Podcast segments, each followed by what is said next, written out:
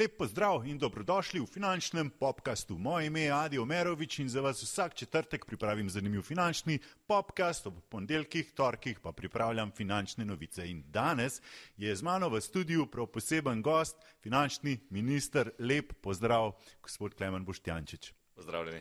Hvala, ker ste si vzeli čas. Vem, da imate zelo natrpan urnik, da je verjetno bilo zelo težko si otrgati eno celo uro, da se bomo lahko malo o financah pogovarjala. Sem se pa zelo veselil um, tega pogovora.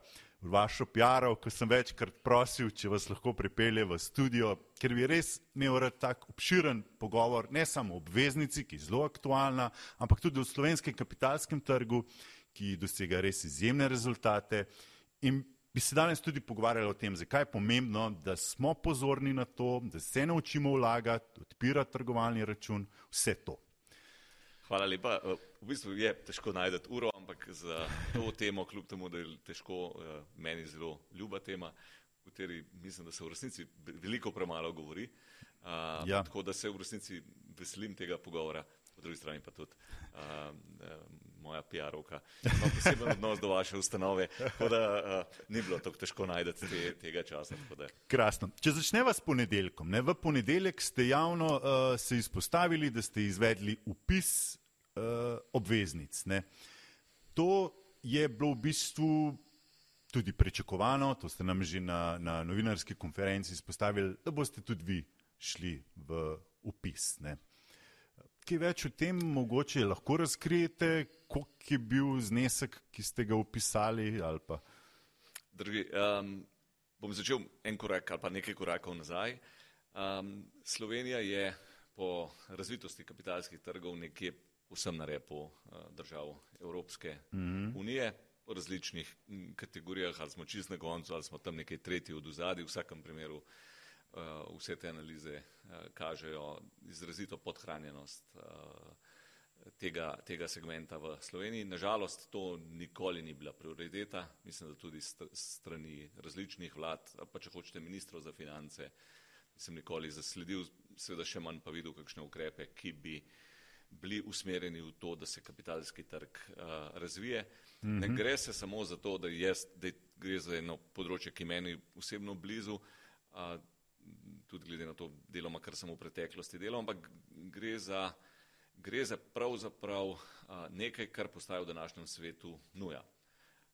Potrebe tudi na nivoju držav ali pa če hočete zadolževanja, potrebe, potrebe za, za v zdravstvu, na socialnem področju, pokojninskem, seveda rastejo. Zahodna, zahodne države se vedno težje v resnici seveda sestavljamo te proračune, glede na to, da, kot sem rekel, seveda te, te eh, posameznih segmenti izrazito rastejo. In dejstvo je, da dolgoročno v resnici z samo proračunskim financiranjem ne bomo več uspeli uh, pokrivati vseh teh rastočih potreb. In tukaj je seveda kapitalski trg v zelo širokem pomenu, verjetno bo o tem tudi malo več danes. Ja, govorila, absolutno. Ja. Uh, uh, odgovor na to. Tako da jaz v resnici verjamem, da je razvoj kapitalskega trga nuja. To ni neka ja. kaprica enega ministra ali pa vlade, to je v resnici uh, nujno, da se tega res lotimo čim prej, gre pa seveda za tek na dolge proge. Uh, tako da, ja. To je bila vodilna ideja obveznice v resnici. Drži. Tako, um, ja, drži. Da, da se spoznavamo s tem, odpremo trgovalni račun. Zelo, tako, zelo, zelo ponosen sem na to, da smo uh, eno leto nazaj uh, sprejeli na vladi strategijo razvoja kapitalskega trga, tudi v tem verjetno malo kasneje. Uh mhm. -huh. Ampak ta korak, ki je bil, uh, ki je bil zdaj uh, storjen. V ponedeljek, torej, ja. Uh, izdaja uh, tako imenovane ljudske obveznice, je v resnici eden od korakov, v resnici v celem sklopu razvoja kapitalskih trgov niti ne tako zelo velik, je pa pomemben. Predvsem je pomemben, ker seveda skozi ta korak pravzaprav zasledujemo tudi cilje, ki so zapisani v tej strategiji, predvsem v smislu opismenjevanja prebivalcev Slovenije. To je tudi ena od velikih težav in pravzaprav z, z tem inštrumentom smo, na, smo želeli na nek način tudi ljudem približati in pojasniti, zakaj ja. gre. Gre za pravzaprav eno najbolj varnih možnih naložb kot ja. alternativa a, bančnim depozitom. Uh, tako da uh, v resnici gre za enega od korakov, ki smo ga uh, napovedali in smo ga zdaj uh, tudi uh, izpeljali. Ja, vas je kaj presenetilo to, da, da ste mogoče opazili, da ljudje niti ne ločijo delnic od obveznic, ne? Da, da so se neke zgodbe z NKBM-jem izpostavljale ne? kot obveznica, ne? pa tudi jaz sem v oddaji parkrat izpostavil najbolj varen način, nima veze z delnico, pri delnici ne veš, kakšen bo outcome ne? čez dve, tri leta, pri obveznici pa točno veš, kaj dobiš, koliko daš not. Na nek način v bistvu ni presenetilo. Zavedam se, da je poznavanje posameznih instrumentov na kapitalskem in širše finančnem trgu zelo a, skromno a, v Sloveniji. Sloveniji smo nek, Slovenci smo na nek način a, tudi glede tega narod ekstremov. Na eni strani velika večina kriptovalute. No, to sem hotel reči. Velika, velika večina ima denar na, na bankah, običajno celo na upoglednih vlogah, niti ne vezanega. Verjamem, da je kar veliko denarja še doma po predaljih. Na drugi strani pa drugi ekstrem smo ena od držav, kjer je naj, največji delež ali pa zelo visok delež tudi na koncu prebivalcev, ki vlaga v izrazito špekulativne naložbe, kot so kriptovalute. Torej, pravzaprav uh, uh, to se mi zdi ekstremno ja. uh, zanimivo in osebno mislim, da je to slab znak, uh, tako, ker je seveda vmes med, če hočete, uh, depoziti na bankah pa kriptovalutah en cel kup drugih uh, finančnih instrumentov, ki so primerni eni za ljudi, ki so nagnjeni k večjim tveganjem ali pa pri, imajo dovolj sredstev, da si lahko privošijo večje tveganje, mm -hmm. eni pa seveda ljudem, ki, uh, ki so nagnjeni in ki so, za katera so bolj primerna uh, varnejše naložbe in seveda ta uh, izdaja tako imenovanih ljudskih mm -hmm. uh, obveznic, obveznic je ena najbolj varnih možnih naložb. In tudi ta donos 3,4, uh, glede na to, da tle pravzaprav ni tveganja, je izjemno odličen odnos. Ja, donos, se pravi, prvič. Drži, hvala lepa. Um, v bistvu ne se vam še vmes zahvalim za to, kar delate. Res cenim ne samo vas, vašo vdajo, tudi nekaj, nekaj uh, drugih kolegov. Hvala, ki, ki, iz, ki res ki dela to, kar bi si jaz želel, da, da seveda tudi vlada dela več tega in da tudi novinari večkrat to zasledujo. Do resnici govorijo dejstva, ne, ne samo uh, uh, se, se išče na nek način negativizem v informacijah, namreč tudi ta izdaja uh, obveznic ima, je medijsko podprta pravzaprav v dveh ekstremih. Eden je zelo pozitiven, ne, veliko ljudi in tudi veliko novinarjev uh, govori, da je to pomemben korak in v resnici zelo veliko pojasnjuje, kaj sploh je obveznica, kakšno je dejansko tveganje, kot ste prej rekel, pojasnjuje se tudi primerjava med tistimi, uh, recimo temu, nesrečnimi uh, vrednostnimi papirji izpred desetih let. Torej, uh, več kot deset let je že. že, več, ja, več kot deset let in na drugi strani gre za dve popolnoma različni, različni stvari. Min grede tudi na področju bank, pa varnostni naložbe. To vrstne instrumente se je v zadnjih letih veliko spremenilo. Ti instrumenti so danes bolj varni, kot so bili nekoč. Seveda pa eh, ljudska obveznica je, mm. kot sem rekel, eden najbolj varnih instrumentov. Ja. Tako da imamo na eni strani um, segment tudi znotraj medijev, ki to izrazito pozdravlja. In, niti ne gre za to, da, da hvalijo, vsak naj pač se do tega opredeli, ampak predvsem, da se pojasnjuje ljudem, kaj to pravzaprav kaj imamo, sploh ne? je, mm. kaj to pomeni, če odpreš trgovalni račun. In na drugi strani je en del medijev, ki vsako novico pospremi z kritiko, ne? to se pravi, bili ste prepozni, obrestna mera ni dovolj visoka, druge države so to prej naredile, ne? tako kot je bilo še eno leto nazaj, kdaj boste, zdaj, ni bilo dobro, ker a, niste še izdali obveznic, zdaj ni dobro, ker smo jih izdali, ker smo čez. Hočem reči, verjamem, da vsak posameznik se mora sam odločiti glede na svoje potrebe, glede na svoje specifike in Absolutno. predvsem je zelo pomembno, da se ljudem preprosto pove, zakaj sploh gre. No, in v tem kontekstu mm. no, se mi zdi ta uh, izdaja mm. izjemno pomembna. Nasploh mogoče eno od prvih pravil pri investiranju, da se moraš vedno sam odločiti. Tudi če gre minister kupiti obveznice, še ne pomeni, ne, da, da je to znak, da greš ti. Ampak zato sem uvodoma vprašal, ne, ker ljudje pa radi, ne glih, ko ne vejo, ko jih je strah pa radi gledajo, kaj drugi počnejo. Je to prav ali ni prav? Dr, drži. Jaz, um, tako kot sem, sem napovedal, sem že na začetku napovedal, da bom tudi sam uh, izvedel upis. Zdaj, uh, točne številke ne želim v javnosti razpredati, ni pa uh, najnižja, pa seveda še zdaleč ni tudi taka, kot jo omogoča najvišji uh, nivo uh, nakupa uh, teh obveznic. Um, pravzaprav um, gre se za, gre se za to, da, da tudi mi na ministrstvu ali pa jaz delamo tisto, kar govorimo. Jaz verjamem, da na dolgi rok ljudje to verjamajo in na finančnem trgu se pravim ali pa na, na kapitalskem trgu je pač to še toliko bolj pomembno. Mm. Jaz um, absolutno bodo temu sledili drugi koraki, uh, ki bodo vsaj tako pomembni, kot je ta mhm. izdaja. Kaj, kaj se zdaj zgodi v petek? Ne, v petek se ta upis konča, In potem vi pogledate, če si upisalo do 250 milijonov ali manj ali več. Ne? Ja, zdaj, če, se, če bo upisanih več kot za 250 milijonov obveznic, se bo seveda proporcionalno upis uh, tistih, ki so upisali, znižal. Se pravi, glede na to, koliko je, koliko je bilo preupisa, se, bilo, se bo, ne vem, če nekdo, karikiram, če nekdo upisal za 10 tisoč evrov teh obveznic, pa bo preupisa za 10 odstotkov, bo dobil 9 tisoč eh, evrov. Razumem, ja. Uh, ne boste pa povišali te. Uh... Uh, ne, za, za, za, enkrat, za enkrat to ni uh, mišljeno, da naredimo, uh, ne, ne bo pa padel pod 1000 evrov. Če nekdo upa, upisal 1000 evrov, bo ustal pri 1000 evrov. Uh -huh. Prav minimalna ostane. Ja, ja zaenkrat ni predvideno, no, da bi to povečali. Morda, če bi šlo za malenkostno rast, je to možno, ampak v resnici bomo pa odločitev sprejeli čisto na koncu, eh, verjetno v četrtek ali celo v petek. Uh, tako da tle čist uh, odločitve še ni. Um, verjamemo pa, da bo ta upis, upis pravzaprav nekje v okviru, ki smo, ga, ki smo si ga želeli. Uh mhm. -huh. Imate že kakšne podatke, morda karkoli, ne vem, je bilo? Um, Kjera starostna skupina je bila največ, ali pa kjeri zneski so bili največ, karkoli. Um, toliko podrobno ne po, po demografskih kazalnikih.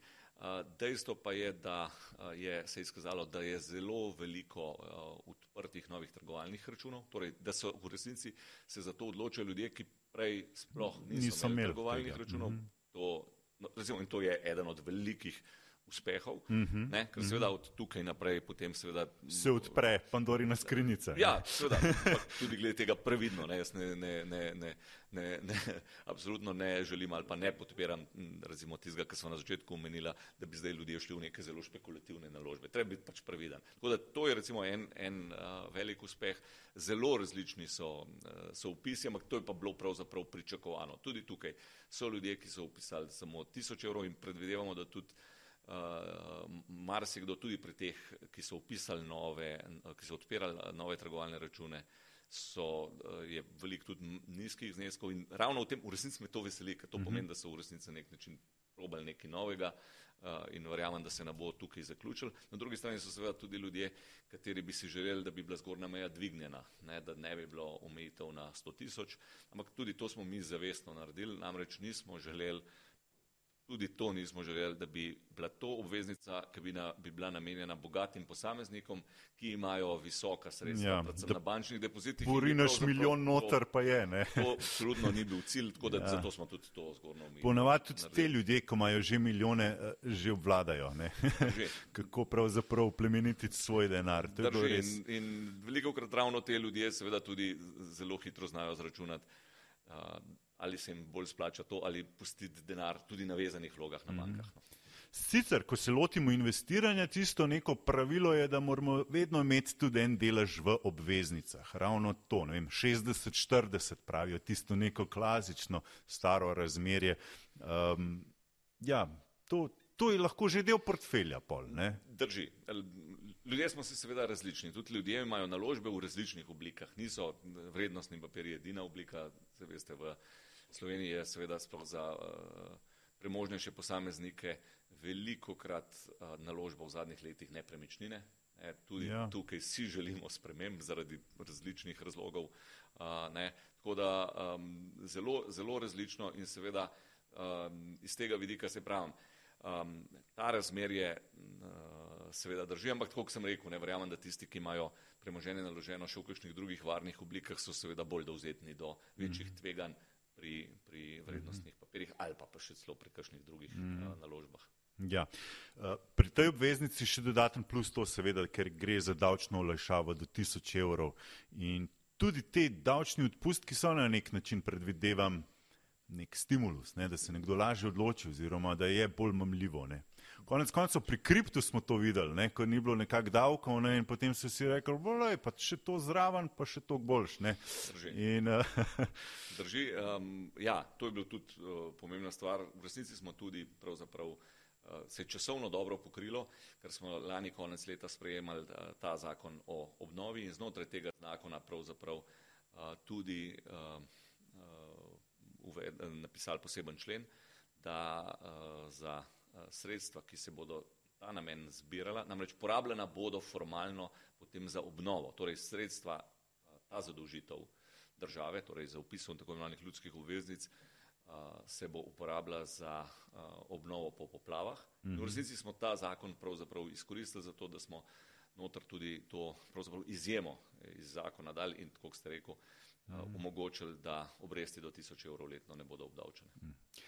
Za še kakšno podobno tako akcijo, še kakšno izdajo, vidite smisel v prihodnosti ali zdaj le počakamo, da vidimo, kaj se zgodi s tem? Ali... V, v, resnici bomo počakali, ne, ne, za naprej težko napovedujem, uh, ali bo to uh, redna, ali bo to postala redna izdaja ali ne.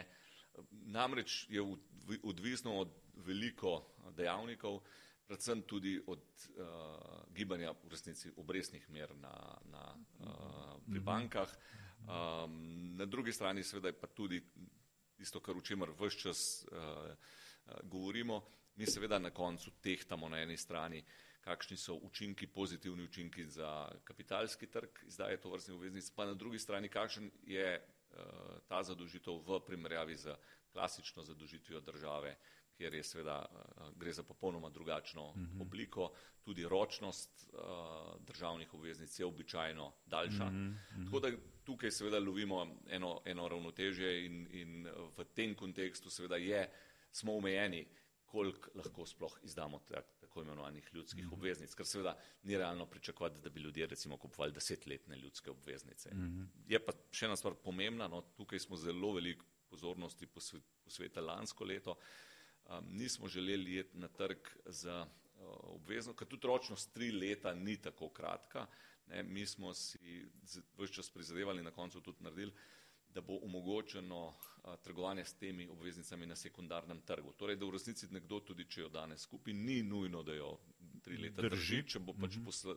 potreboval prej likvidna sredstva, jih, mm -hmm. jih lahko preprosto, preprosto proda, podobno kot uh, druge vrednostne papirje, tam se bo seveda oblikovala neka cena na trgu mm -hmm. za mhm. te, za te papirje. Verjamem pa, da ne bo prav velikega, glede na zelo netvegano, uh, netvegan vrednostni papir na eni strani in na drugi strani znano ročnost, tako da verjamem, da prav ne bo velike volatilnosti v ceni na mm -hmm. sekundarnem trgu.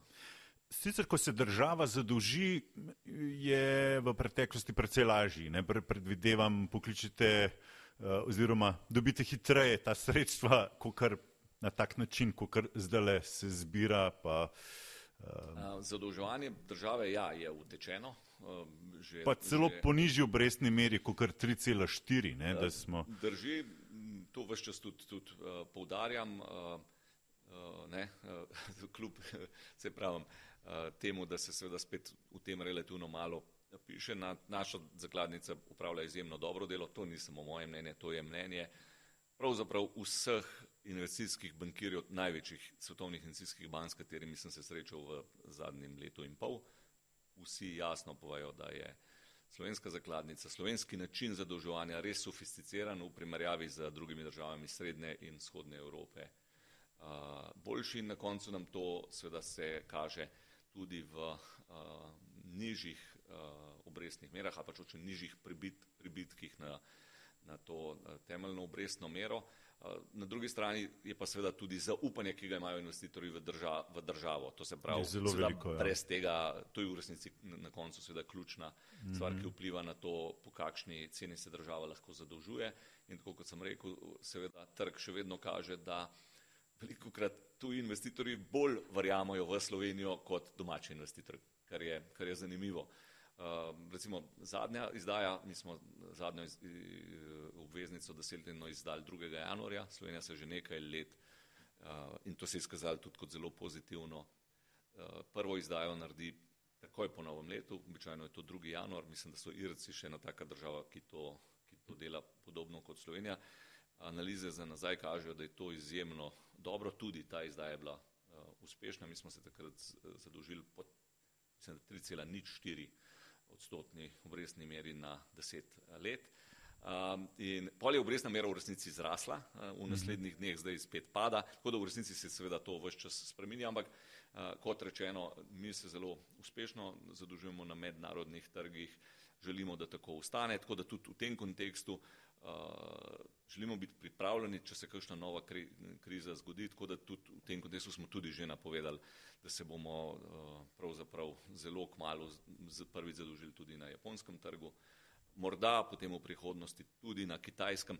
To je pretežno namenjeno uh, razpršitvi tveganj. Torej, če pride večja finančna kriza, kjer so pri zadolževanju manjše države bolj občutljive, ker treba vedeti, da seveda slovenske državne obveznosti so zaradi nizkih izdaj manj likvidne kot recimo nemške ali pa, če hočete, tudi italijanske. Uh mhm. -huh. Zaradi tega seveda moramo pač biti vse čas pozorni in imeti odprte možnosti, uh, tako da bo, da seveda to ne bi bila kadarkoli uh, cokla pri upravljanju nalog, ki jih uh, moramo uh -huh. mi mhm. kot ministrstvo za finance izvajati.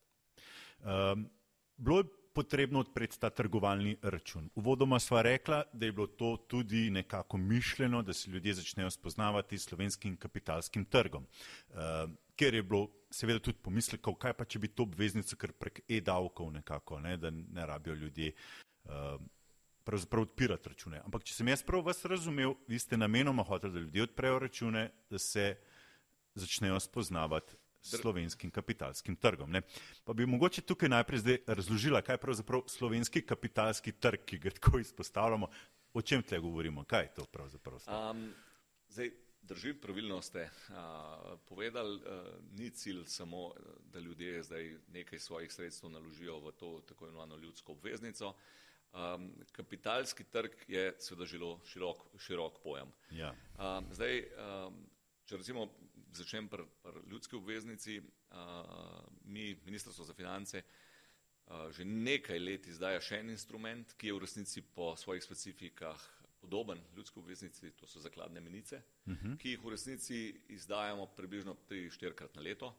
Uh, z ročnosti so malenkost različne, so mislim 3, 6, pa 12, 18 mesečne Mest. ročnosti, uh mhm. -huh. mal se spreminjajo, ampak v tem obsegu. Uh, In zadnjih nekaj let, eh, ko to delamo, je, so pravzaprav razglavljene te zakladne minice. Torej, v resnici gre za podoben inštrument, ne po, čisto isti, ampak podoben inštrument, kot so državne obveznice. Uh -huh. um, Donosnost je Kar, mislim, ja. Ja. Jaz mislim, da tudi iz, iz, iz, iz, iz, donosnost je, je dobra, zato tudi seveda je eh, visoko zanimanje. Uh mhm. -huh. V resnici vedno je pravzaprav pomen znanih podatkov, vedno preupis, torej več kot jih v resnici mi ponudimo je upisa.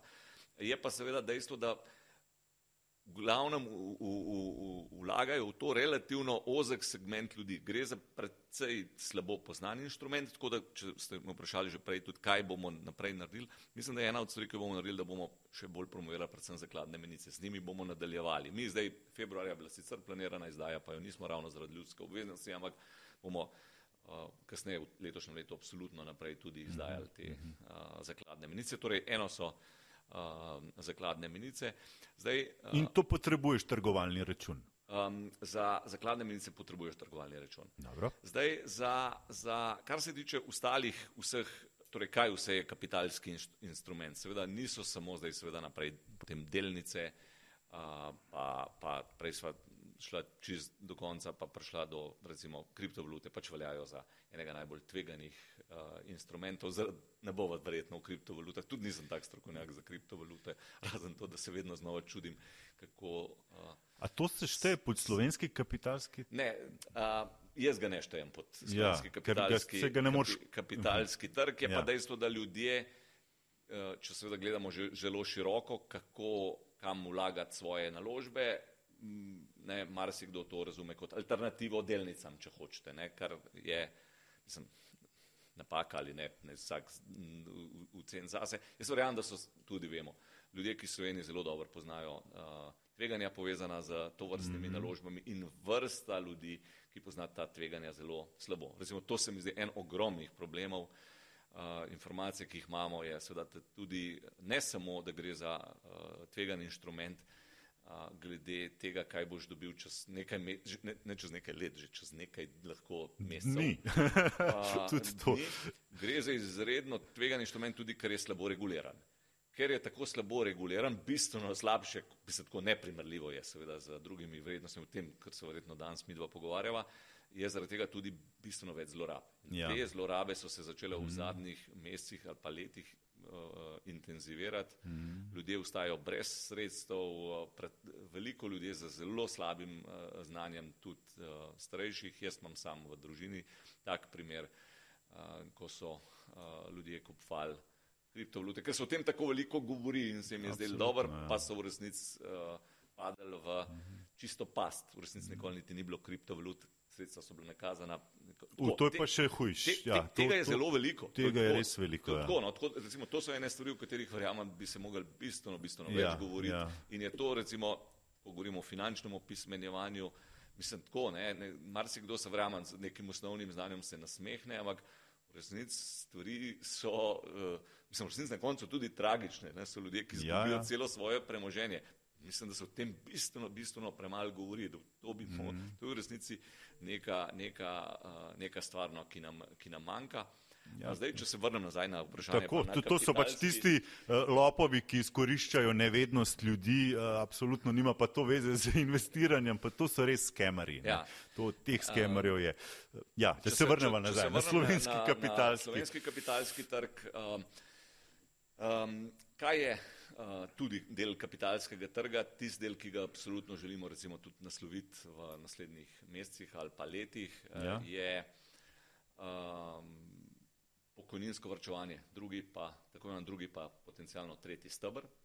Gre za v resnici vprašanje pokojninske reforme, pa vprašanje, ali bomo, kaj bomo znotraj tega naredili na tako imenovanem obveznem pokojninskem vrčevanju, pa prostovoljnem pokojninskem vrčevanju. Um, um, ravno nekaj dni nazaj sem se z državno sekretarko imela en konferenčni klic z uh, irskim ministrom. Veste, da Irska je zelo napredna, kar se tiče kapitalskega trga. Absolutno. Uh, smo se mm, eh, pogovarjali o tem, kaj, kaj, so stvari, eh, kaj, kaj so tiste stvari, ki jih mi delamo, kaj so tiste, ki jih planiramo narediti in kaj so tiste, ki, misl, ki, ki, ki bi bilo potrebne narediti. No in, in zan- zanimivo je, ne, eh, tudi on je rekel, da je da se instrument, ki je eh, v- resnici najbolj pomemben za razvoj kapitalskega trga, je drugi pa tretji eh, pokojninski stebr. Kljub temu, da gre lahko za relativno nizke zneske, pravzaprav na nek način pripelje kapitalski trg bliže posameznikom. Ne.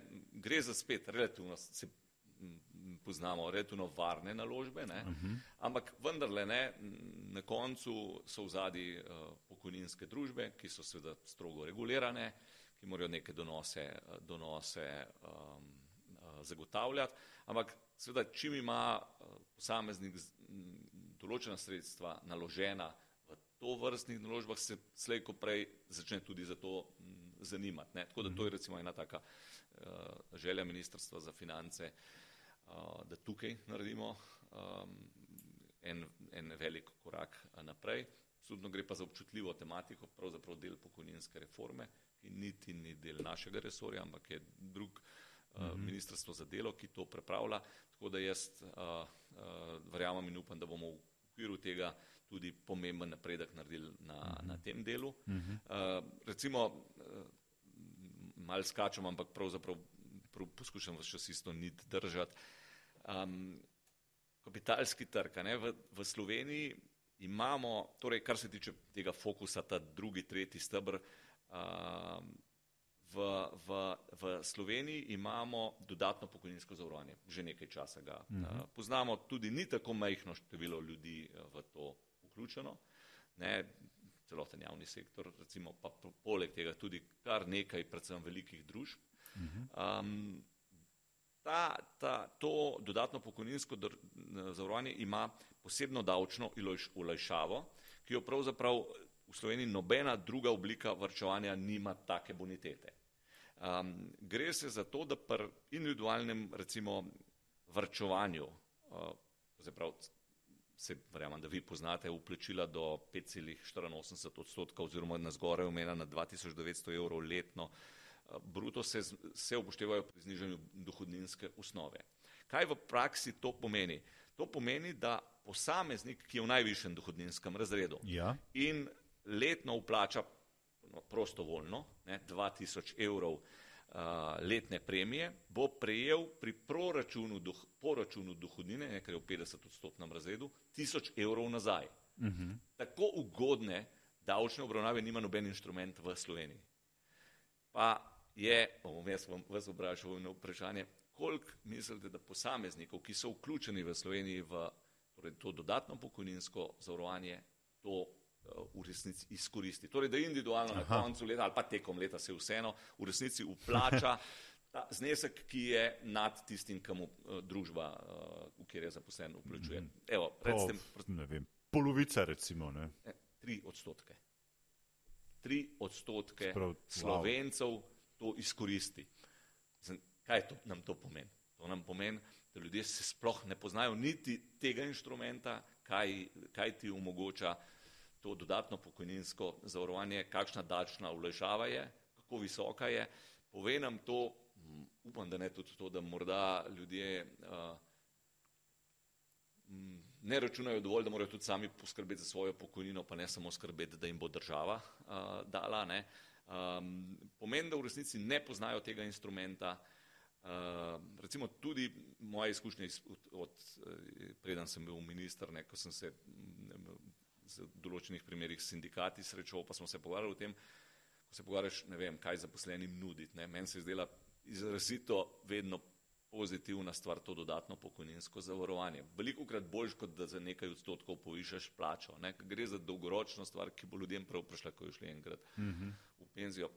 Izrazito malo zanimanja. Ne. Tako pravzaprav tudi sami sindikati, če nam ponudite super, ampak nihče se za to ne bori. Ne. Ker gre, Gre za nek dohodek, ki ga ljudje dobimo čez 50-30 let, in takrat verjetno si nihče več ne more medalje prepeti za to.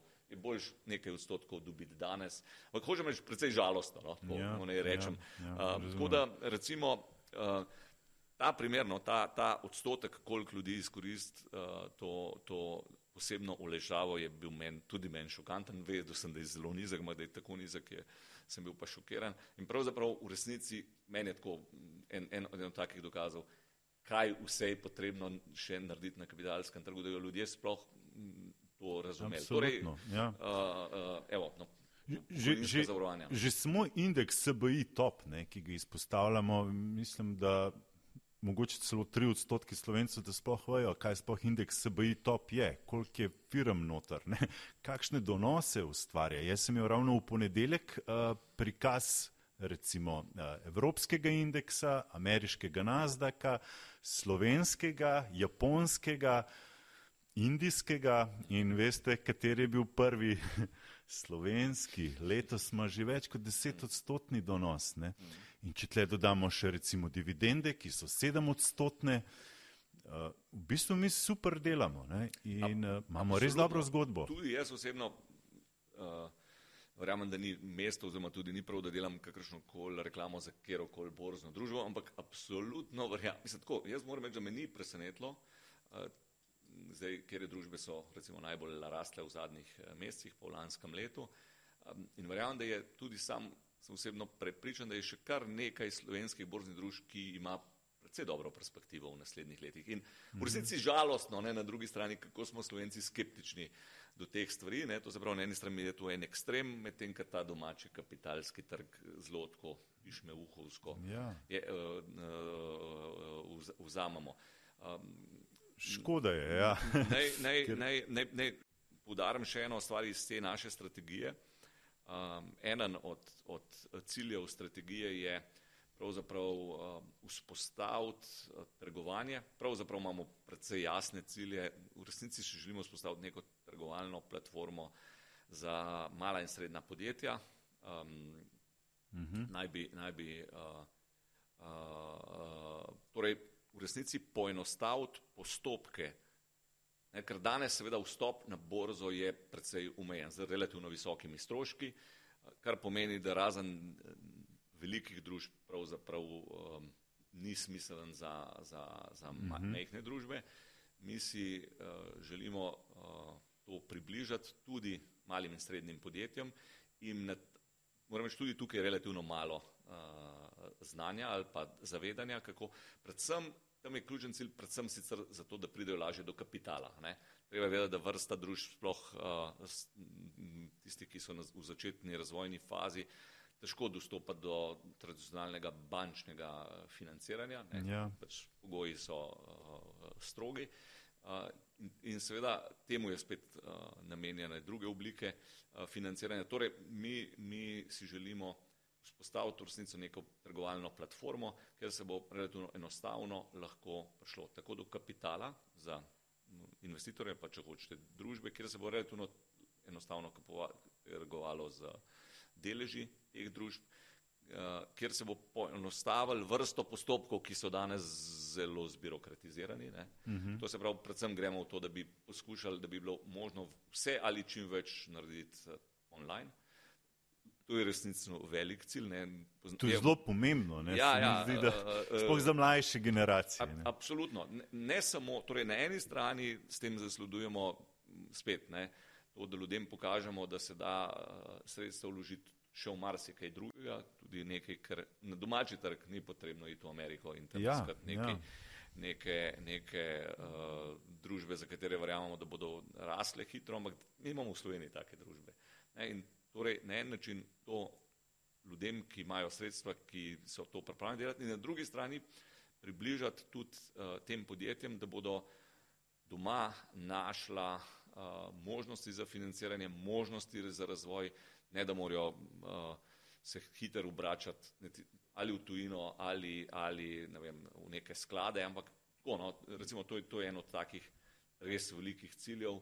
Na tem, na tem intenzivno delamo, bo pa nas pa še, še kar nekaj dela eh, čaka, kar se tega tiče. Namreč smo smo kar en prvih v resnici na svetu. So nekateri že naredili, nekje v enih državah to že deluje, ampak hočem reči, recimo, um,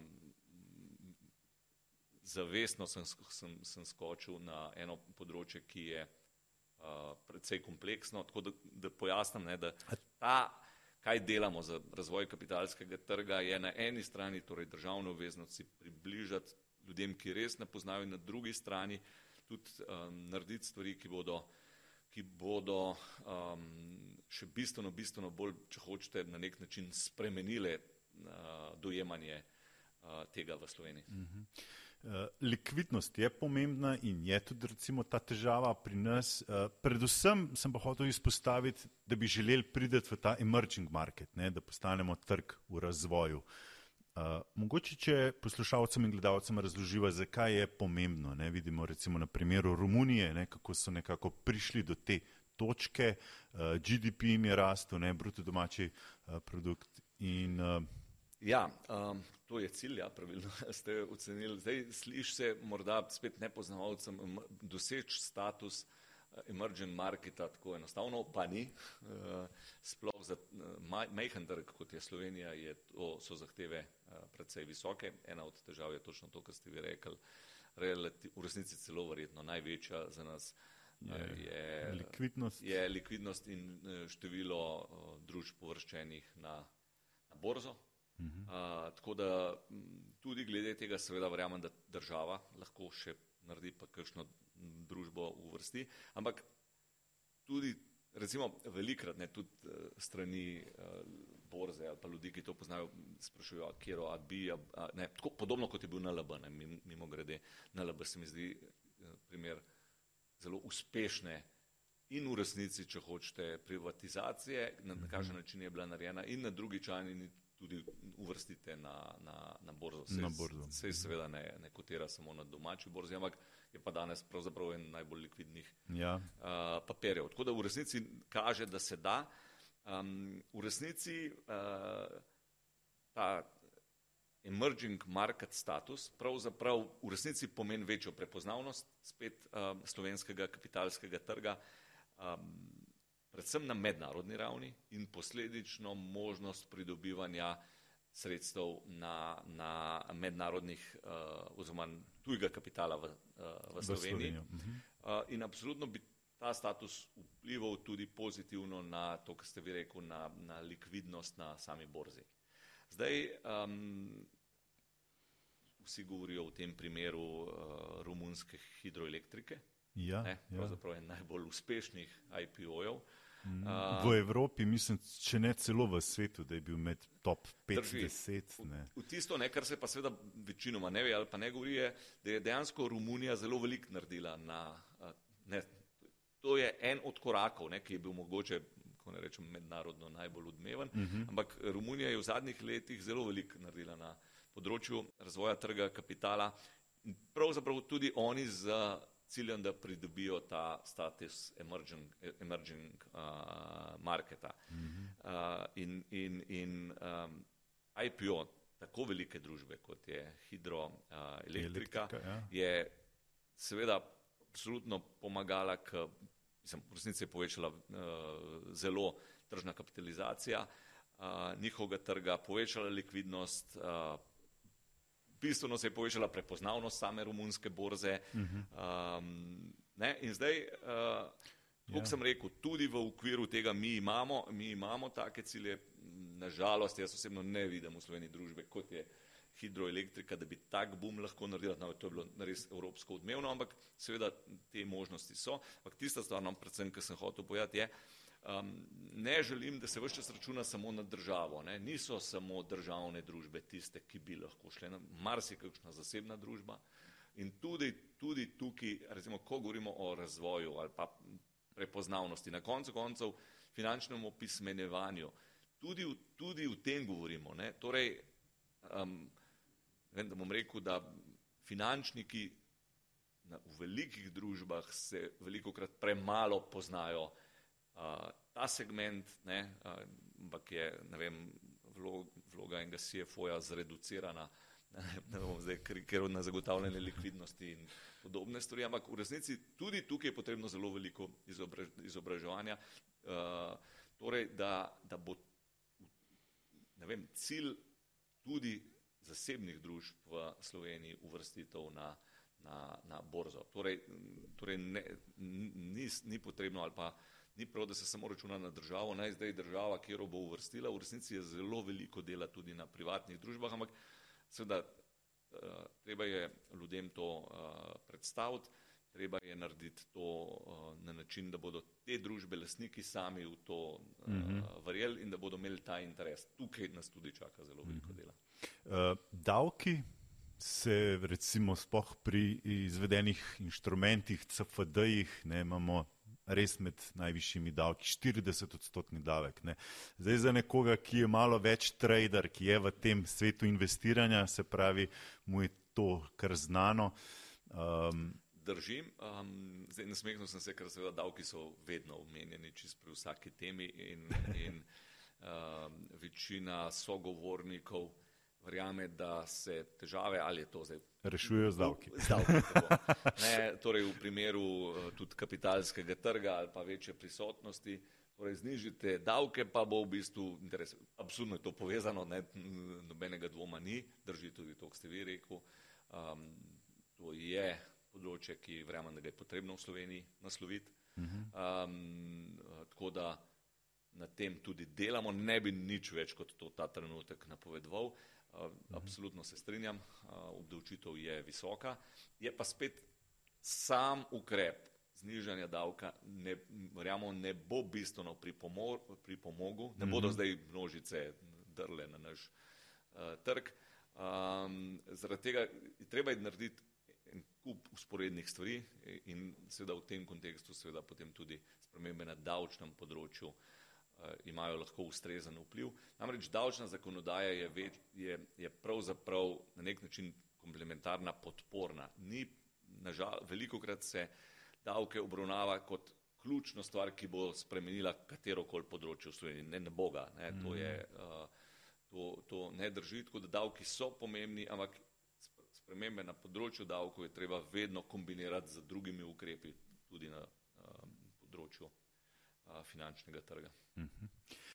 Če se dotakneva ob koncu zdaj še malo svetovne ekonomije, vaš pogled, kje pravzaprav smo? Videli smo, da se veliki tektonski premiki pravzaprav dogajajo. Na eni strani imamo all-time high, visoke vrednosti, v ZDA opažamo, Kitajska tone proti neki hujši recesiji, očitno kljub neki državni pomoči se delniški trg ne dviguje.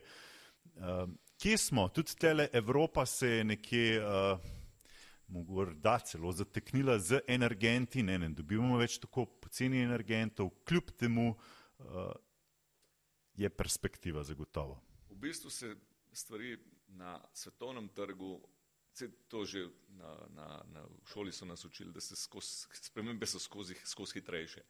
To, kar se dogaja v zadnjih letih, je pa to vsakmu, ki mal sledi jasno. Stvari se spreminjajo tudi na, na mednarodnih finančnih trgih ali pa kar se svetovne ekonomije tiče tako hitro, ne bom rekel, da težko sledimo, ampak v resnici smo že vsi vemo, da čaka nek nov šok čez nekaj mesecev, sam ne vemo še točen, kakšen bo. Kar v resnici na koncu mogoče ni, niti ni slabo, ne, ker nas mm -hmm. stvari manj presenetijo, kot so, um, uh, kot so bile in tudi uh, v resnici, kot ste rekel, tektonski premiki tudi na, na glede uh, ekonomij, kot je Kitajska in uh, ZDA.